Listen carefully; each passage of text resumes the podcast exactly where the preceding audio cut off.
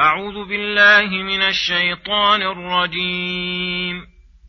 كلا والقمر والليل إذ أدبر والصبح إذا أسفر إنها لإحدى الكبر نذيرا للبشر لمن شاء منكم أن يتقدم أو يتأخر كل نفس بما كسبت رهينة إلا أصحاب اليمين في جنات يتساءلون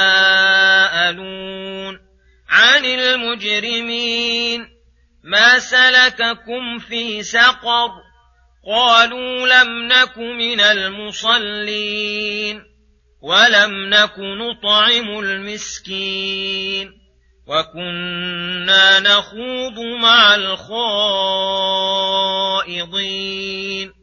وكنا نكذب بيوم الدين حتى أتانا اليقين فما تنفعهم شفاعة الشافعين فما لهم عن التذكرة معرضين كأنهم حمر مستنفرة فرت من قسورة بل يريد كل امرئ منهم أن يؤمن حتى صحفا منشرة. كلا بل لا يخافون الآخرة. كلا إنه تذكرة. فمن شاء ذكره.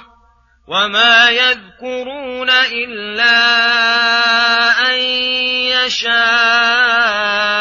الله. هو أهل التقوى وأهل المغفرة. بسم الله الرحمن الرحيم. السلام عليكم ورحمة الله وبركاته. يقول الله سبحانه كلا والقمر والليل إذ أدبر. الآيات كلا هنا بمعنى حقا أو بمعنى ألا الاستفتاحية. فأقسم تعالى بالقمر وبالليل وقت إدباره والنهار وقت إسفاره لاشتمال المذكورات على آيات الله العظيمة الدالة على كمال قدرة الله وحكمته وسعة سلطانه وعموم رحمته وإحاطة علمه. والمقسم عليه قوله إنها لإحدى الكبر أي إن النار لإحدى العظائم الطامة والأمور الهامة. فإذا أعلمناكم بها وكنتم على بصيرة من أمرها فمن شاء منكم أن يتقدم فيعمل بما يقربه إلى الله ويدنيه من رضاه ويزلفه من دار كرامته أو يتأخر عما خلق له وعما يحبه الله ويرضاه فيعمل بالمعاصي ويتقرب إلى جهنم كما قال تعالى فقل الحق من ربكم فمن شاء فليؤمن ومن شاء فليكفر. الآية كل نفس بما كسبت من أفعال الشر وأعمال السوء رهينة بها موثقة بسعيها قد ألزم عنقها وغل في رقبتها. فاستوجبت به العذاب إلا أصحاب اليمين فإنهم لم يرتهنوا بل أطلقوا وفرحوا. في جنات يتساءلون عن المجرمين أي في جنات قد حصل لهم فيها جميع مطلوباتهم وتمت لهم الراحة والطمأنينة حتى أقبلوا يتساءلون فأفضت بهم المحادثة أن سألوا عن المجرمين أي حال وصلوا إليها وهل وجدوا ما وعدهم الله؟ فقال بعضهم لبعض هل أنتم مطلعون؟ فاطلعوا عليهم في وسط الجحيم يعذبون فقالوا لهم ما سلككم في سقر. أي أي شيء أدخلكم فيها وبأي ذنب استحققتموها. قالوا لم نك من المصلين ولم نك نطعم المسكين.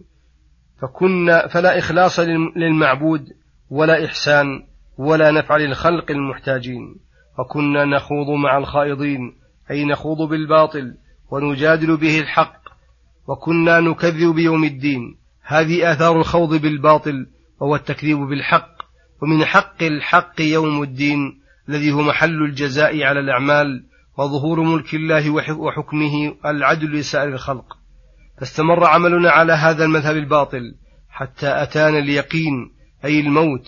فلما ماتوا على الكفر تعذرت حينئذ عليهم الحيل وانسد في وجوههم باب الأمل فما تنفعهم شفاعة الشافعين. لأنهم لا يشفعون إلا لمن ارتضى وهؤلاء لا يرضى الله أعمالهم. فلما بين الله مآل المخالفين وبين ما يفعل بهم عطف على الموجودين بالعتاب واللوم فقال فما لهم عن التذكرة معرضين أي صادين غافلين عنها كأنهم في نفرتهم الشديدة منها. حمر مستنفرة أي حمر وحش نفرت فنفر بعضها بعضا فنفر بعضها بعضا فزاد عدوها. فرت من قسورة أي من صائد ورام يريدها. أو من أسد ونحوه. وهذا من أعظم ما يكون من النفور عن حق ومع هذا النفور والإعراض يدعون الدعاوى الكبار يريد كل امرئ منهم أن يؤتى صحفا منشرة.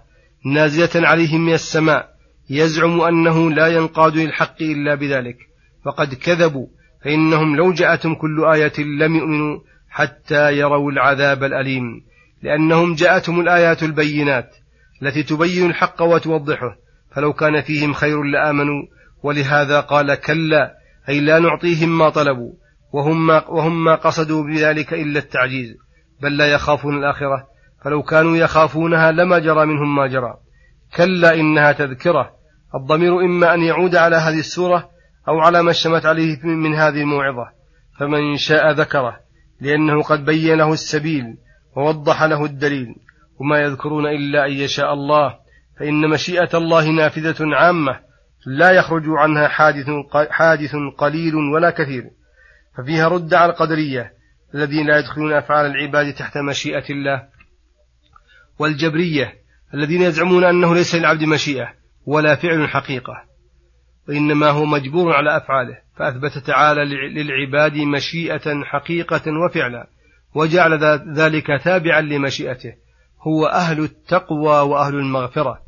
أي هو أهل أن يتقى ويعبد لأنه الإله الذي لا تنبغي العبادة إلا له وأهل أن يغفر لمن اتقاه واتبع رضاه. وصلى الله وسلم على نبينا محمد وعلى آله وصحبه أجمعين. إلى الحلقة القادمة غدا إن شاء الله. السلام عليكم ورحمة الله وبركاته.